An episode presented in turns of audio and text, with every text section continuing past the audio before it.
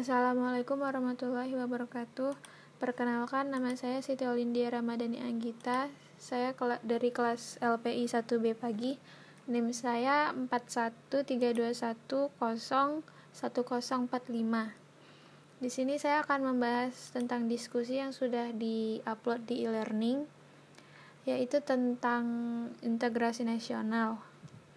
Di sini Bapak Miftahudin bertanya, uh, deskripsikan lima pendekatan strategi integrasi nasional di atas.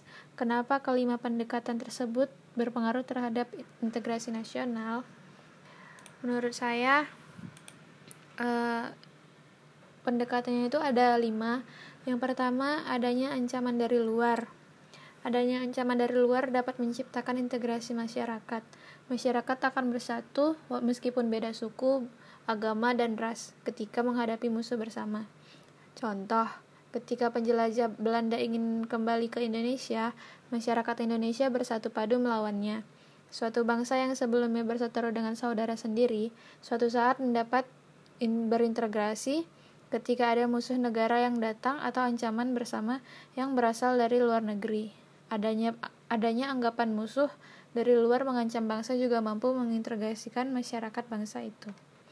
Yang kedua ada gaya politik kepemimpinan.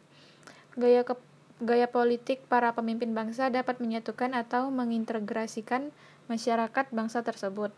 Pemimpin yang karismatik, dicintai rakyatnya dan memiliki jasa-jasa besar umumnya mampu menyatukan bangsanya yang sebelumnya tercerai-berai. Misal Nelson Mandela dari Afrika Selatan. Gaya politiknya sebuah kepemimpinan bisa dipakai untuk mengembangkan integrasi bangsanya. Terus yang ketiga ada kekuatan lembaga-lembaga politik. Lembaga politik misalnya birokrasi juga dapat menjadi sarana pemersatu bangsa, masyarakat bangsa. Birokrasi yang satu dan padu dapat menciptakan sistem pelayanan yang sama, baik dan diterima oleh masyarakat yang beragam. Pada akhirnya, masyarakat bersatu dalam sistem pelayanan. Yang keempat ada ideologi nasional. Ideologi Pancasila berperan dalam integrasi nasional sebagai pemersatu yang dapat dipahami melalui upaya berbagai sosialisasi, sosialisasi bidang ideologi. Harapan tersebut akan mampu memahami makna yang terkandung di dalam ideologi nasional, yakni lima sila Pancasila. Terus yang kelima ada kesempatan pembangunan ekonomi. Jika ekonomi suatu negara berhasil menciptakan keadilan bagi masyarakatnya, maka masyarakat tersebut dapat menerima sebagai su satu kesatuan.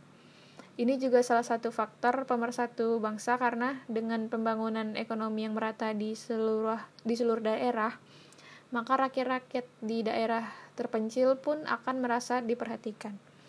Sekian pendapat saya. Mohon maaf bila ada kesalahan. Assalamualaikum warahmatullahi wabarakatuh.